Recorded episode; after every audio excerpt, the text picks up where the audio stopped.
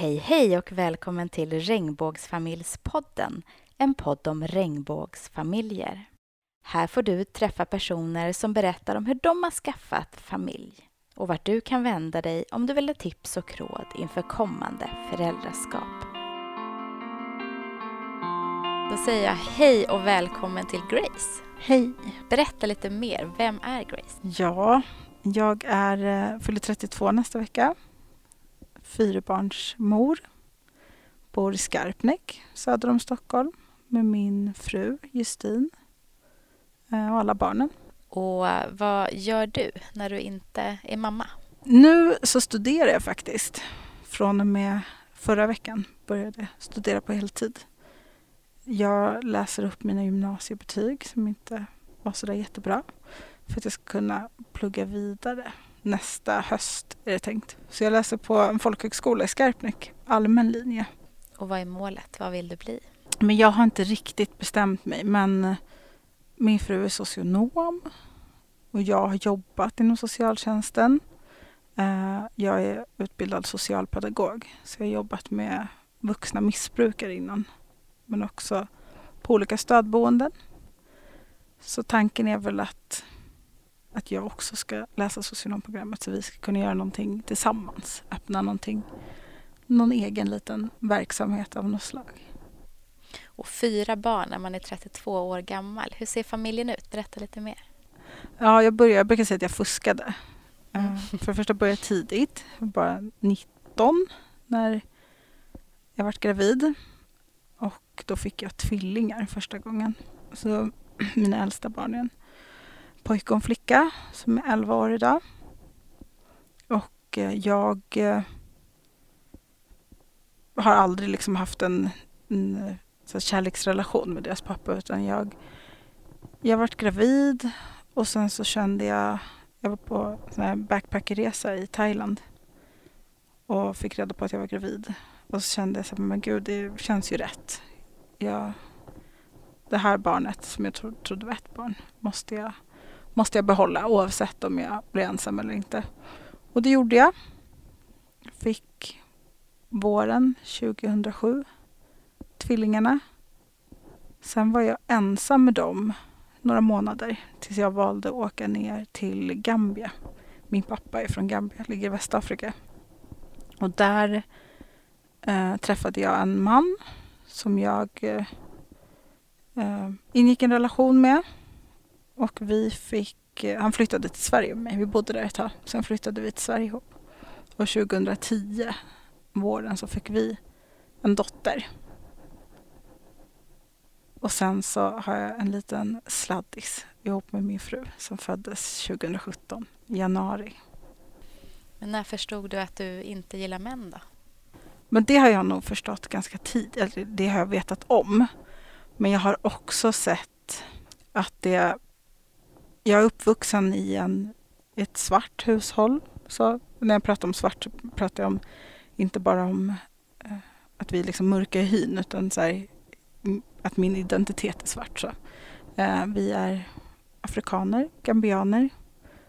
Och jag förstod ganska tidigt att det finns liksom inte eh, någon öppenhet för hbtq-personer eh, i, det, i det communityt som jag tillhörde då.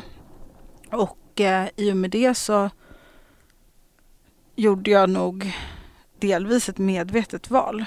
Så att så här, inte, låter konstigt att säga, så här, bejaka de sidorna, men alltså att inte liksom eh, ja, följa mitt, mitt hjärta då.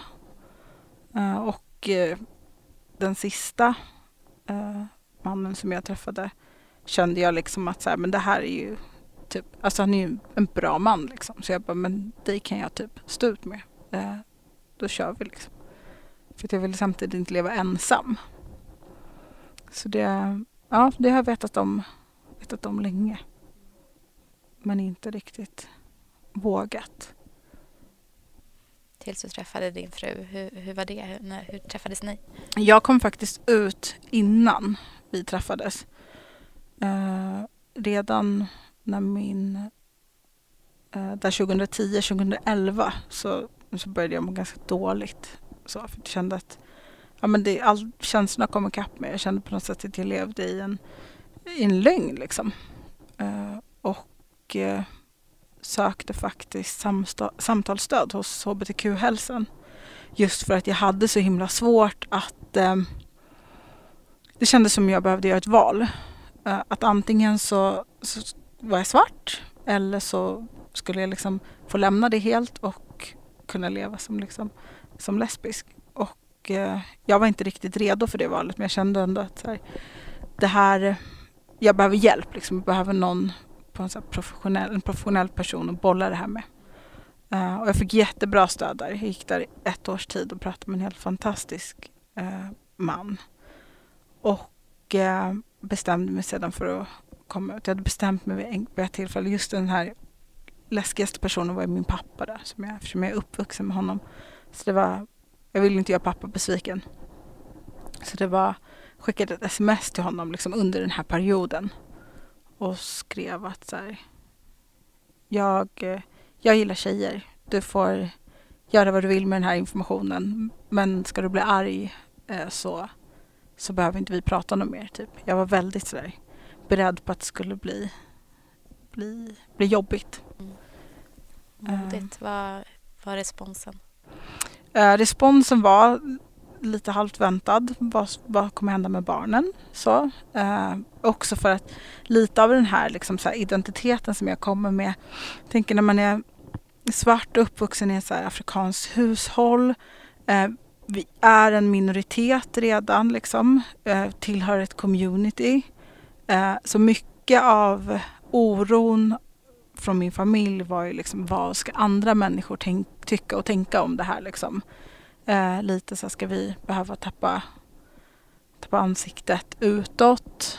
Eh, kan du på något sätt kanske göra det här eh, någonstans där ingen ser? Och så här, ska du dra hem, eh, ja men du vet, så här, ska du träffa någon? Ska du utsätta barnen för det här? Är det värt det? Eh, det var mycket sådana såna tankar som, som min familj hade. Inte alla. Alltså jag har syskon också. jag är sex syskon. Eh, och de är ju liksom, har ju alltid varit jättestöttande. Och jag tror att det var oväntat för många eh, i och med att jag hade gift mig och skaffat barn. Så det var liksom, jag tror många i min familj väntade på att jag en dag skulle säga men nu, nu är det bara klart, nu har jag provat det här och det var ingenting för mig. Så att jag skulle liksom rebella lite i familjen. För jag har varit den personen också. Men jag tror så här i efterhand att jag har rebellat mycket på grund av den här anledningen. Att jag inte fullt ut har kunnat vara den jag är liksom, i min familj.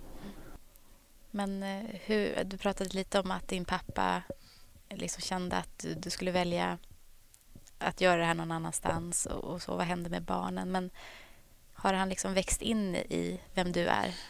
Ja, jo men det har han gjort. Jag brukar säga att alltså, min pappa har gjort en helt fantastisk resa. Alltså om man ser från var han kommer ifrån. Så att vi, vi, hade, vi pratade ju inte med varandra på jättelänge. Liksom var över ett år nästan som vi inte hade någon kontakt. Och det var han som ändå närmade sig mig. Eh, och under det här året så träffade jag faktiskt min fru. Mm. Så, och han, har, han, har, han är så fantastisk på många sätt. Det var som bara i år, alltså Pride, så skrev jag så här, vi kommer gå i Pride-paraden, vi vore jätteglada om ni kommer och vinka åt oss. Och då var han så här, jag har ju fortfarande lite den här tanken att han kommer ju tycka det är skitjobbigt. Han vill ju säkert inte så här, se det här. Men då svarar han liksom med ett sms, jag är upptagen på lördag, men jag hoppas att jag ser er på TV. Och då tänkte jag så här, men wow, det är ju ännu större att han faktiskt liksom kan känna att det är liksom utåt sett eh, i hela Sverige kan visa. Så han ja, jag tror att han har fått jobba mycket med sig själv. Mm. Eh, så att han, det har varit svårt för honom. Det har varit svårt. Jag har en styvmamma också som är liksom väldigt troende muslim. Och det, har varit, det har varit svårt för henne också. Jag tänker att de kanske inte pratar om det alla gånger med sina vänner och så. Men jag ändå känner, att det, det är helt okej. Okay. För att jag har också en förståelse för varför det är svårt. Kräver liksom inte, jag kräver att, att de ska respektera mig, de ska respektera min familj och det gör de. Alltså, de, alltså min pappa är ju ibland mer kär i min fru än vad jag är liksom, så idag. Men eh, Men att eh, ja, när vi är familjen då, då ska vi vara med på lika villkor. Men sen kan jag förstå att han med sina kompisar kanske inte pratar hbtq-frågor. Så. Nej. Mm. När du pratar om community, vad, vad menar du då? Vår familj och liksom vänner till familjen. Mm. Min pappa har inte så mycket så blodsband, eh, liksom, så, sådana typer av släktingar här. Men han har ju nästan alla sina barndomsvänner här i Sverige. Mm. Och det är också så en kulturell grej. Vem är familj? Mm. I Sverige så, så här, jag tänker så här, vita svenskar, att det är um, familjen är liksom, ja, men min syster, min moster, min morbror och mormor. Men för oss är det ju liksom så här, ja men vadå, bodde du på den gatan i Banjul? Men då är vi familj. Så det är, det är en stor familj. Mm. Och du sa att din pappa bor här nu. Hur länge har han bott i, i Sverige? Han kom sent 70-tal, tidigt 80-tal tror jag. Så han har bott här länge. Så han är ju liksom har ju koll på frågor. Han har haft mycket hbtq-vänner. Liksom. Han har tränat. Jag minns jag var liten när han någon så här, tränade med någon bög på gymmet. Och, så han har ju liksom alltid varit accepterande. Men det var just det där, när, tror jag, när det var hans familj. När det kommer nära så vart det lite vart det svårt. Om man tittar på, på ert gemensamma barn. Mm. Eh, hur gammal är han eller hon? Hon, Sanji, är ett och ett halvt. Vi, eh, vi valde ju aktivt. Jag ville ju egentligen inte ha mer barn och eh, min fru var inte heller så jättetaggad på barn. Men sen så 2016, där februari-mars någon gång, så bara fick jag ett jättestarkt sug. Jag bara, jag måste, vi måste skaffa barn. Och jag sa det så här, jag tror vi måste göra det nu. För att om vi inte gör det nu då kommer inte jag vilja ha något barn känner jag eh, i framtiden. så verkligen så här biologisk, jättemärklig eh, känsla. Men då började vi undersöka liksom möjligheter hur man kunde gå tillväga. Vi stod inte i någon kö via landstinget eller så. Uh, och vi visste sedan tidigare att det fanns få, få, eller vad vi vet i varje fall bara en uh, person som har donerat sperma till landstinget. Vi har ju en del svarta hbtq-vänner så vi kände oss inte jättebekväma med att eh, eventuellt liksom, ha samma donator som någon i vår nära, nära krets. Så. Och vi kollade lite på Danmark. Eh, och det var inte jättebilligt. Så. De har inte heller så mycket svarta donatorer. Det behöver man, om jag förstod det rätt, köpa in sperma. Liksom. Och eh, då slog det oss att det finns ju en Facebook-sida där, liksom, där donatorer hjälper till. Så. Men eh, vi, det var ju bara uteslutande vita svenska män på den sidan. Och vi, för oss var det viktigt att vi skulle ha en svart donator. Just för att ja, men Justine är ju liksom svart eh, och från Uganda och jag är ju eh, mixad. Min mamma är svensk. Men vi ville att vårat barn skulle kunna känna igen sig i oss båda. Men också att vi båda ska kunna gå med vårt barn på gatan utan att bli ifrågasatta. Liksom. Så, och sen att mina barn sedan tidigare är ju, har jag ju med, med svarta män. Så det kändes som att så är det klart att det ska vara en eh, att vi ska ha en svart donator. Mm. Så vi hittade en, en snäll man, snäll man, nej men en person som var villig att hjälpa oss att donera. Och, eh, så vi gjorde en heminsemination som, som var jättelyckad. Eh, och det var liksom bestämt från början att det var jag som skulle bära av olika anledningar. Och det ville jag gärna göra. Mm. Och det gick väldigt fort? Det gick jättefort. Eller det var så här, vi hade en, en eh, vi chattade med den här mannen länge och vi liksom eh, ja, behövde ju kolla upp en hel del olika saker. Han är också donator eh, på, på ett annat sätt liksom. Eh, där han går och lämnar. Eh, där det är mer registrerat i landet där han bor. Eh, och, ehm, men vi ville ju ändå vi ville veta att han var frisk. Vi ville också gärna träffa honom. Eh, och det fick vi möjlighet att göra. Så vi hängde med honom liksom två dagar, snackade och ja, för att få någon for, form av bild. Han ville ju också veta liksom vilka vi var och vad, vi, vad våra tankar, vad vi ville med det här och hur vår situation såg ut. Mm. Så sen när vi kände att alla, allting överensstämde så tog det väl typ, jag tror att jag hade, jag hade min mens och sen så ja, men då, det var precis då vi hade fått all liksom så här hälso, alltså hälsodeklaration. Så. Och så sa vi att nästa ägglossning, då, då kör vi liksom. Om det faller sig bra. Uh, så det tog ju typ från det att vi liksom så hade bestämt för att så här, vi, vi vill träffa dig och vi vill köra med dig. Uh, så tog det ju ja, men fyra veckor tills uh, vi fick ett plus på sticken. Mm. Fantastiskt. Mm. Mm. Hur valde ni vem som skulle bära och inte? alltså jag... Min fru har inte varit jättetaggad på att bära. Så. Och jag ville väldigt gärna göra det för jag tycker att det... Uh, jag tycker det är jättejobbigt att vara gravid. Men jag tycker att det är jättekul att föda barn. Så jag var så här, gud jag tror jag vill föda barn en gång, en gång till. Så det var, ja, men det var liksom ett ganska lätt val. Så. Inget, inget svårt alls. Sen har vi ju tänkt alltså, så vi ska skaffa fler barn och även då kollade vi liksom vad finns möjligheterna för så äggdonation eller som jag skulle bära eh, Justins ägg. Eh, men det skulle också bli väldigt kostsamt. Mm. Så. Och eh, det var i samma veva som det diskuterades här i Sverige om man skulle liksom ändra på det, om det skulle bli, bli lagligt. Så vi sa att men vi kör en, eh, en med donator nu och sen så eventuellt i framtiden om det finns möjlighet. Så att jag kan bära ett barn med, med Justins ägg. En stor familj. Ja, verkligen. Ja. Mm. Vilket känns helt naturligt. Jag har Mm. sex, vi är sex barn. Justin är också från en jättestor familj. Mm. Um, och vi har det liksom...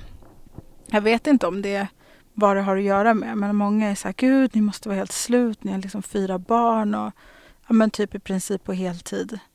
Och vi sa, men gud vad pratar ni om? Det är inte så här, det, det är inte så mäckigt för oss.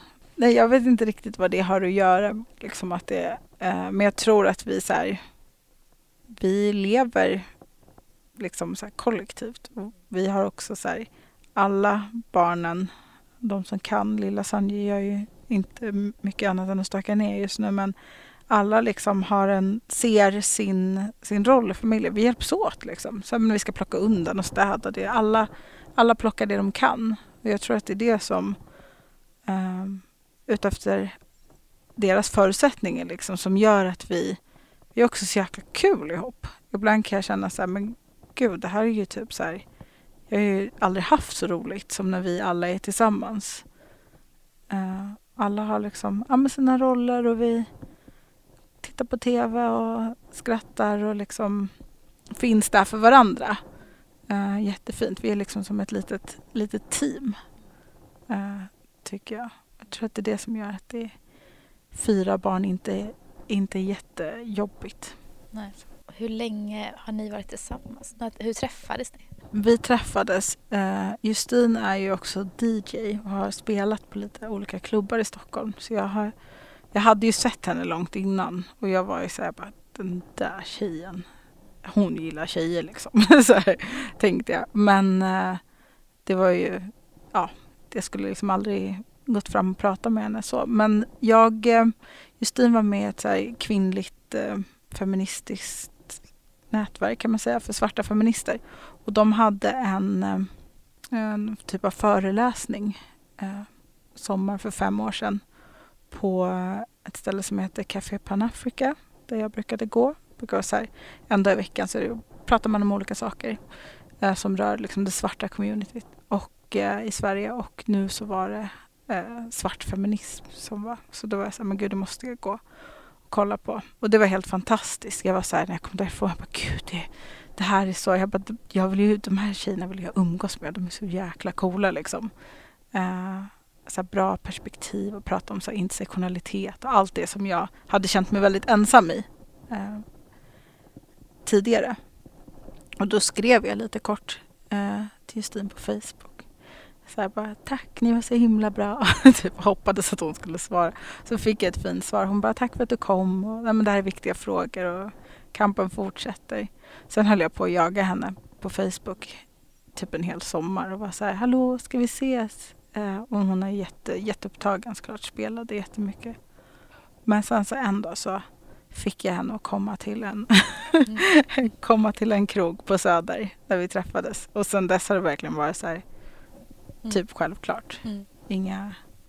Och hon, hon, Justin bodde ju liksom hemma. Hon hade ju inga planer på att flytta hemifrån. Hon bodde med sin mamma, hade så här, jobbade, DJade, hade, hade det bra. Mm. Eh, hade sig själv att ta hand om och kom liksom in i min familj och med tre barn och tog liksom det gick ju lite långsamt i början för att barnen skulle känna sig, ja men det är, så, det är viktigt att de också accepterar henne. Men hon accepterade dem jättefort och de accepterade henne och sen så har hon varit så här, men hon, hon är lika mycket förälder som jag liksom. Mm.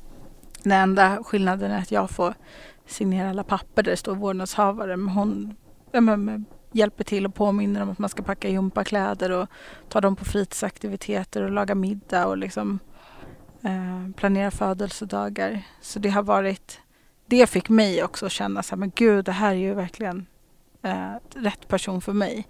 För att det var som att hon tog mina barn till sig så eh, på ett sätt. Och också det som jag tror fick mig att känna att så här, men gud, dig vill jag också skaffa ett gemensamt barn med.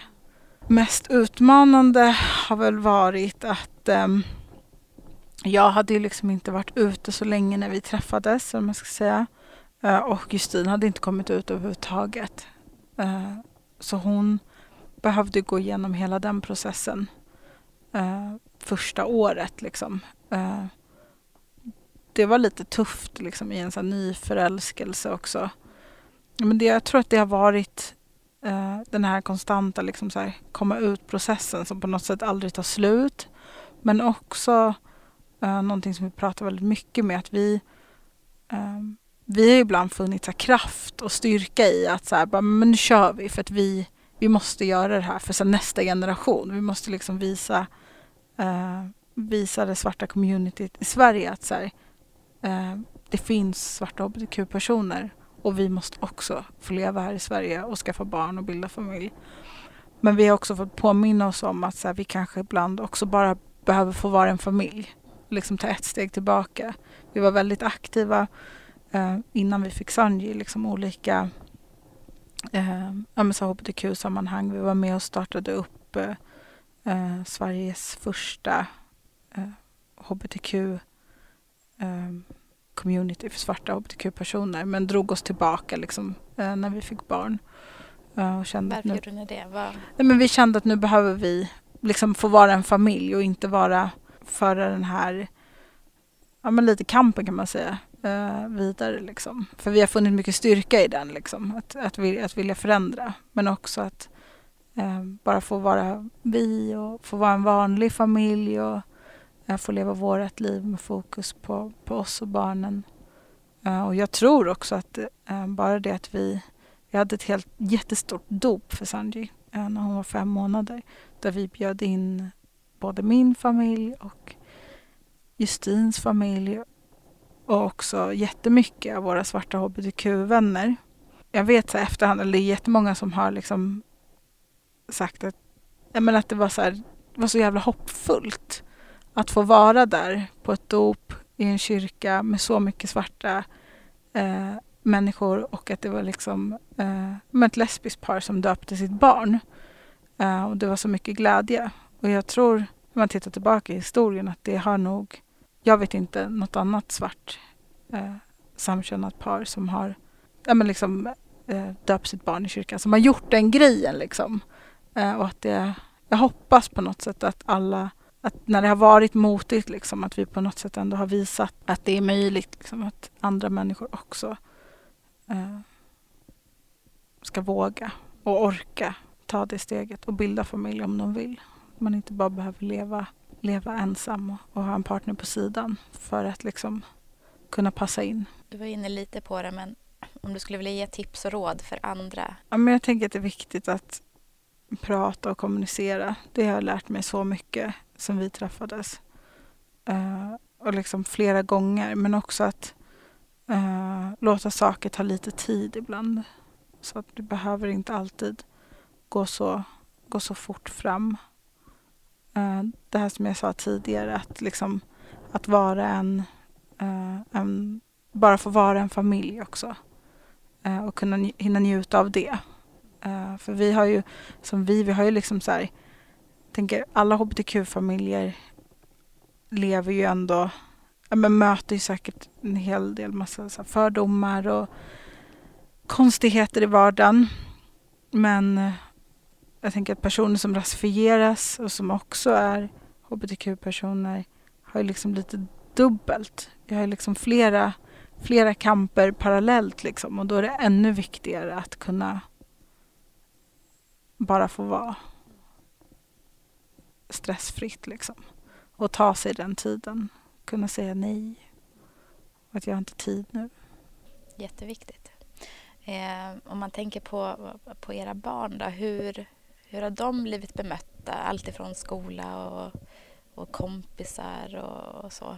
De har aldrig faktiskt eh, blivit bemötta på något annorlunda vad, vad jag vet. Så jag kan tänka mig att det Alltså barn kan vara ganska taskiga. Det kan vara, alltså, du har krulligt hår eller du har stora fötter. Det kan vara vad som helst.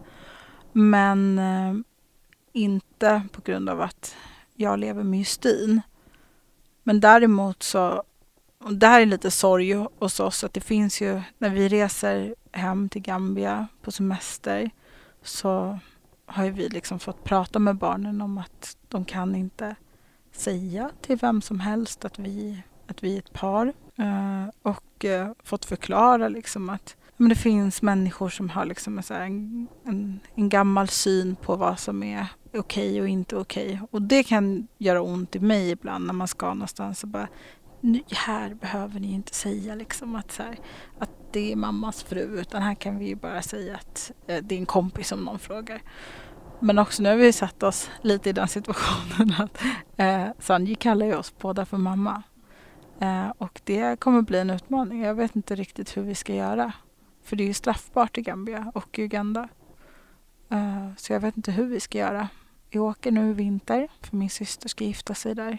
Eh, och Sanji pratar och hon kallar oss båda för mamma. Tänk att hon är liten nu så man kan avfärda det med att hon liksom, um, små barn kan ju säga mamma till, till många olika. Men um, det känns ju sorgligt att om det är så att vi ska behöva säga till henne också att på vissa, vissa, på vissa platser är våran familj och dina mammor inte okej. Okay. Vad har du fått för reaktioner från dina äldre barn när du har sagt så? Men de har inte sagt så mycket faktiskt. För vi har hela tiden, alltså väldigt tidigt också pratat om att vi pratade om de här sakerna redan innan det vart ett problem. Liksom.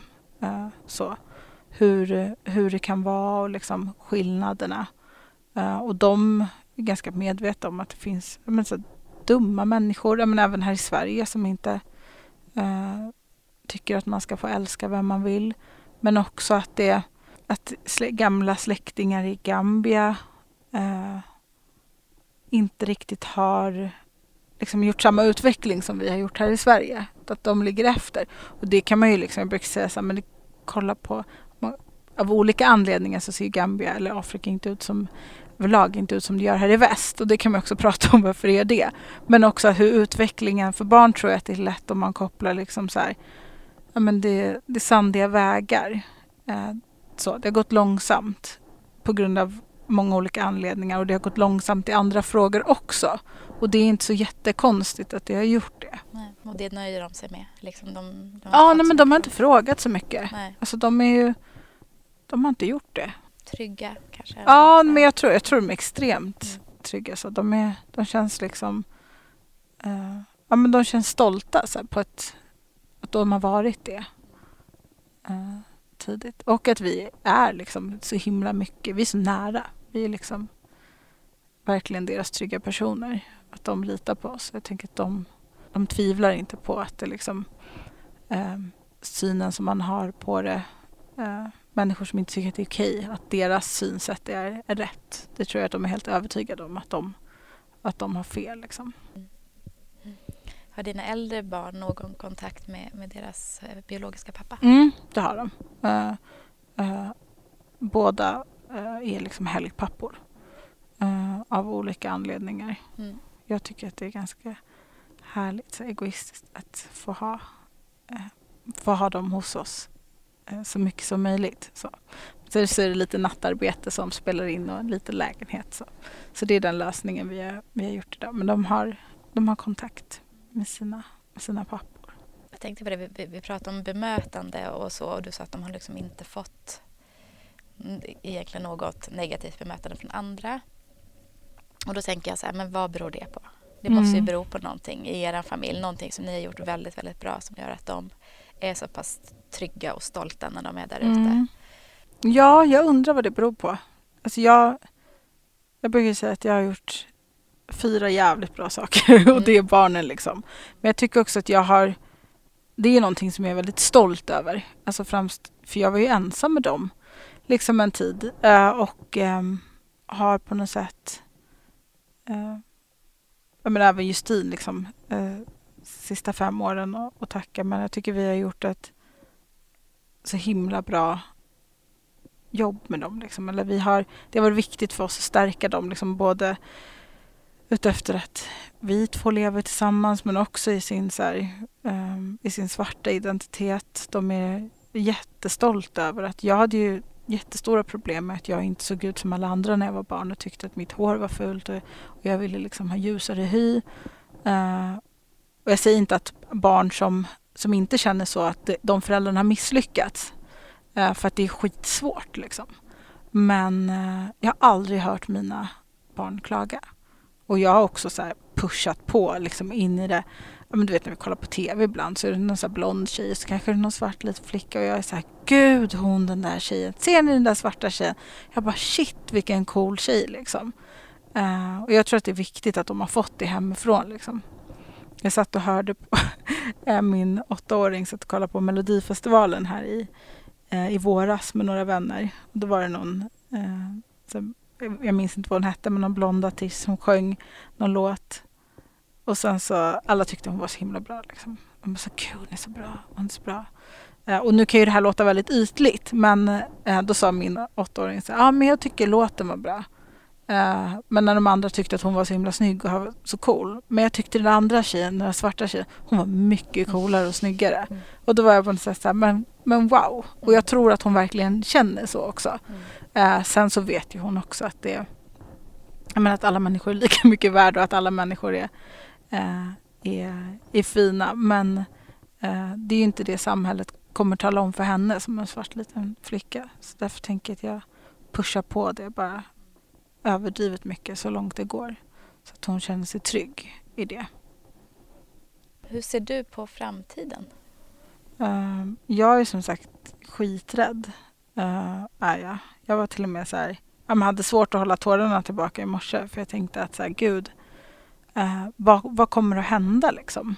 Eh, dels för att vi har men, ett parti som, som SD i Sverige som är så pass stora Eh, och på så många plan inte tycker att så, jag och min familj är okej. Eh, och att det finns så många i vårt land som är villiga att stödja det. Liksom, det, gör mig, det gör mig livrädd.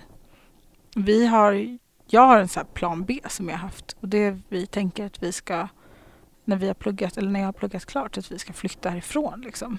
Uh, för att uh, jag kan inte leva med att mina barn inte kanske kommer ha samma möjlighet att söka de jobben de vill i framtiden, att de kommer bli bortsållade på grund av sitt utseende och sitt namn. Uh, jag tycker också att så här, rasismen har så ökat. Liksom. Det, är, det är mycket, den blir så normaliserad och jag märker det när man går runt på stan också. Framförallt när vi går som familj. Att, uh, vi var på Ikea för några veckor sedan och jag tänkte så här, fasen sa till syster bara glor inte folk jättemycket på oss? Hon bara, jo men det gör de.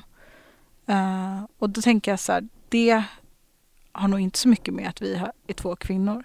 För det är en sak med att vara svart också. Det är väldigt få personer som tror att man är hbtq-person för att man passar inte riktigt in i mallen. Alltså jag har stått i så kö till gayklubbar och vakterna bara Du, eh, vet du att det är lesbisk fest här ikväll? Man bara, jo men jag vet. Det är precis därför jag är här liksom. För att antagandet av hur en hbtq-person ska se ut, eh, jag passar liksom inte in i den mallen.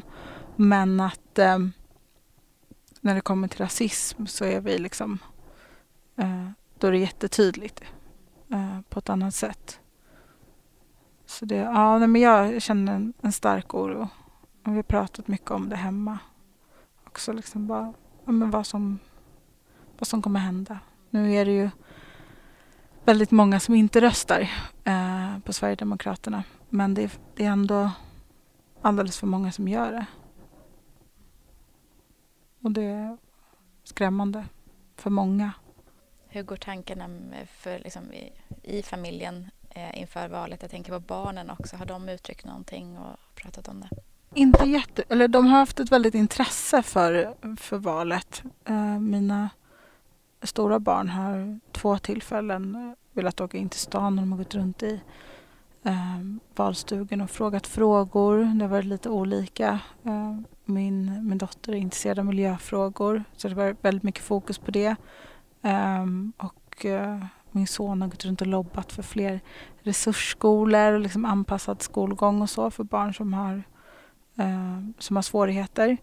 Eh, och det, var, så det var jätteroligt. Men de har ju också medvetet undvikit eh, SDs eh, valstuga. Liksom. Eh, och då tänker jag att de vet att så här, det här är ett parti som inte är för mig. Ja, om man tänker på det här med att våga visa att man är en familj mm. på stan, på Ikea eller vad det är. Du ser att folk tittar. Ja.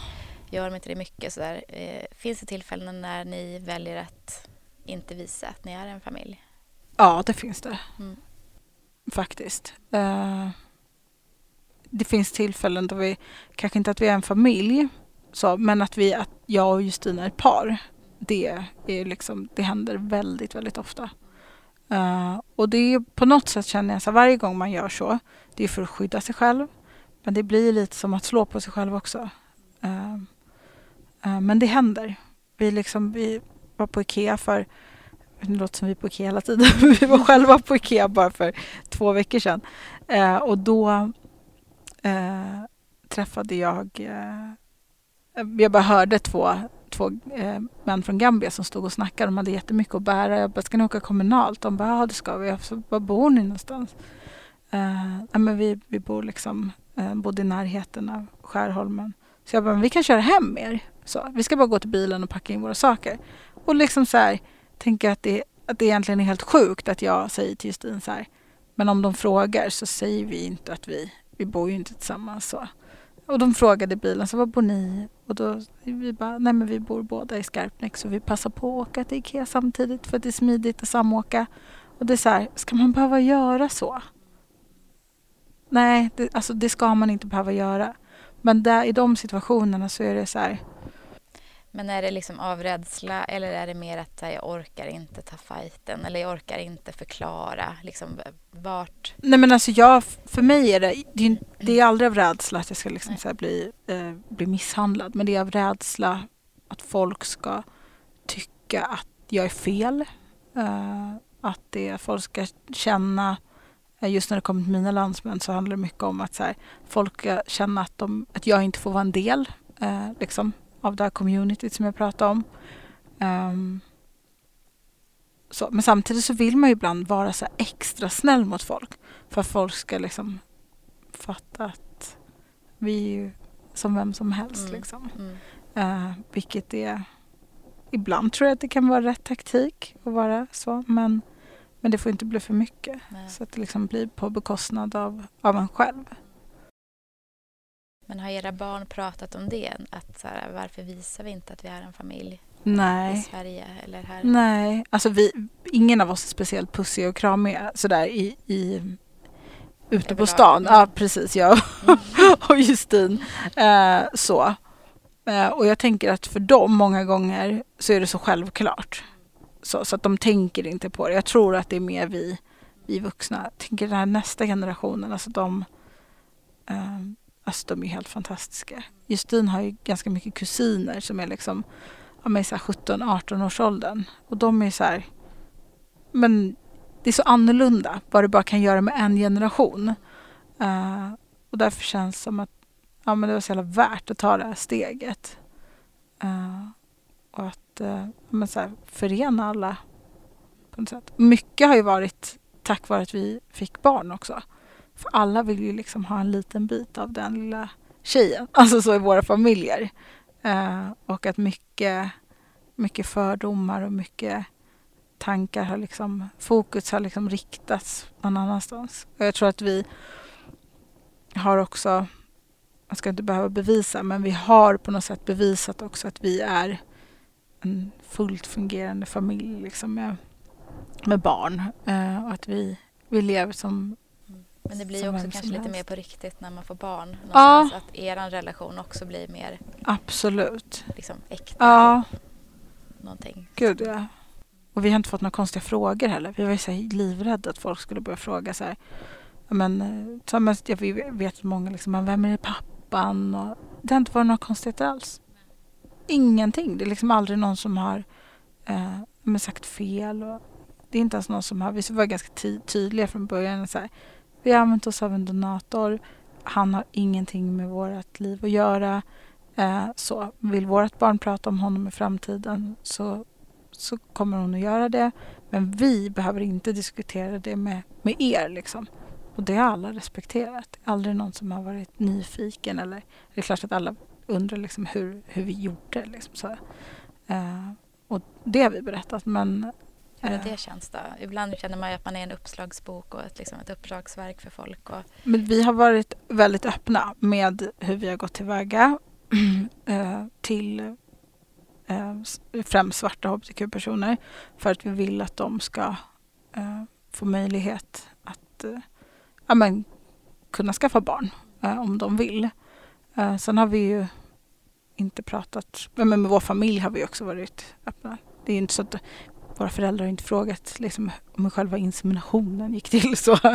Eh, men, eh, men till svarta har vi varit jättetydliga och också svarat på ganska så här, ja, men privata frågor och liksom hur, vilka barn vi har tänkt och, och så. För att det måste ske en förändring. Alltså för fler, fler svarta behöver ju börja eh, ehm, donera. Alltså det drabbar ju inte bara liksom lesbiska par utan det är även heterosexuella par som behöver sperma och äggdonation. Uh, och det ska inte vara så att man ska behöva använda sig av en donator eller vänta väldigt, väldigt, väldigt länge. Ja. Hur är det med, um, jag tänkte på era familjer. Eh, liksom, är ni båda två lika mycket mamma eller är det så att man är du liksom mamma och sen Jolin är din partner eller hur har de liksom... Alltså hur familjerna ser på det? Ja, exakt. Ja, nej, men det beror lite på. Alltså jag tänker vår nära familj ser nog oss som två mammor. Så vi, vi har verkligen haft så här 100% delat föräldraskap och det, det, det är ju en jättestor skillnad. Jag som har skaffat barn med män tidigare har också känt så här, jag har varit så himla trött den här gången men också så här, för att jag har varit så himla närvarande i i, i det här föräldraskapet. Eh, I och med att Justina har tagit så stort ansvar eh, också, som alla föräldrar ska göra. Så, men det, det har gjort att jag har kunnat känna efter jättemycket. Och så här, ja, men, när vi kom hem från, eh, från BAP så var jag så här, jag menar de där, den där babybluesen som man pratar om, den var ju jätte, du vet, så här, jag var verkligen så här, eh, fastnade lite i den bubblan. Men också för att jag kunde göra det. Jag har inte kunnat göra det tidigare. Uh, och det har att göra med att uh, ja, vi verkligen är lika mycket föräldrar båda två. Det har liksom aldrig varit någon nå skillnad. Hur har det funkat med anknytning hos er båda?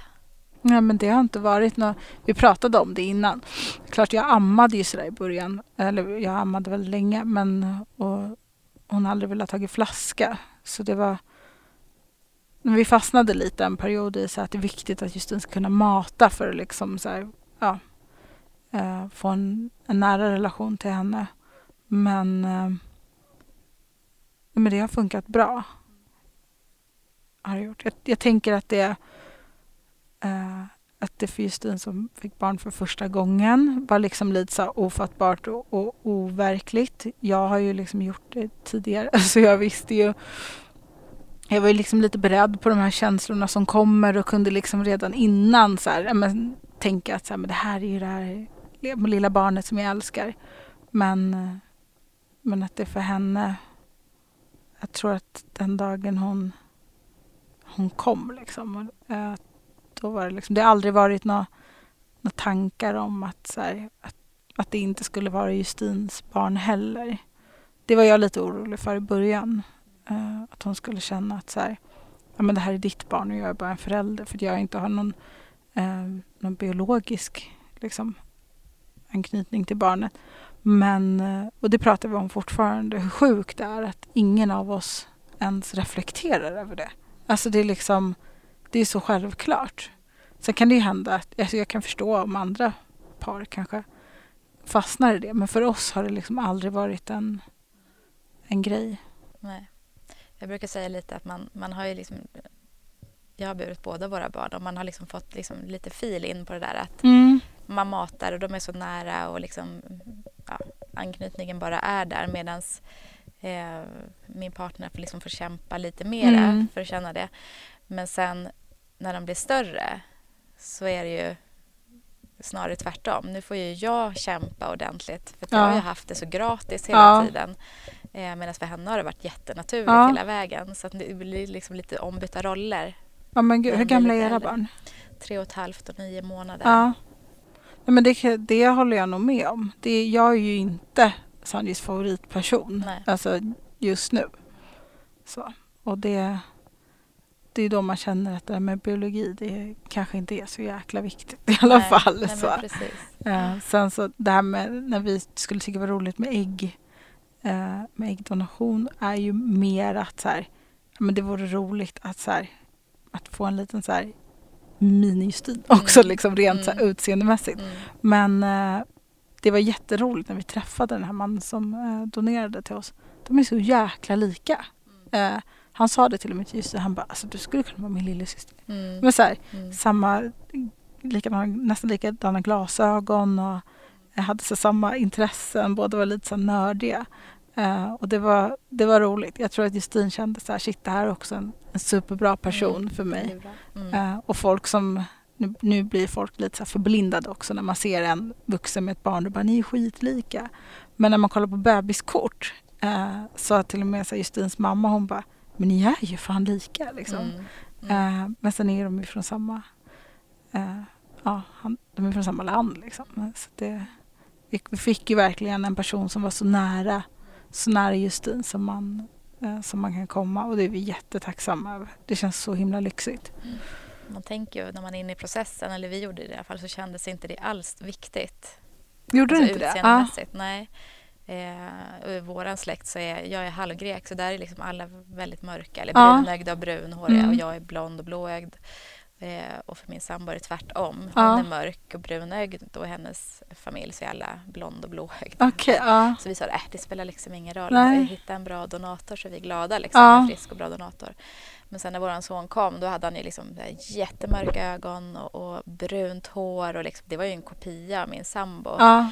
Och då kände vi så här, men gud vad häftigt mm. och så här, vad viktigt. Liksom, det ja. blev en anknytning och någonting så där mm. som ändå var, var viktigt då. Ja. Men, ja. ja. men det, för det, det har ju varit viktigt för oss. Och då kan man tänka så här, det har ingenting med så här, det är verkligen inte kopplat till, till utseende men det är också så här, men att Sanji ska känna, känna sig, känna igen sig i oss mm. liksom. Mm.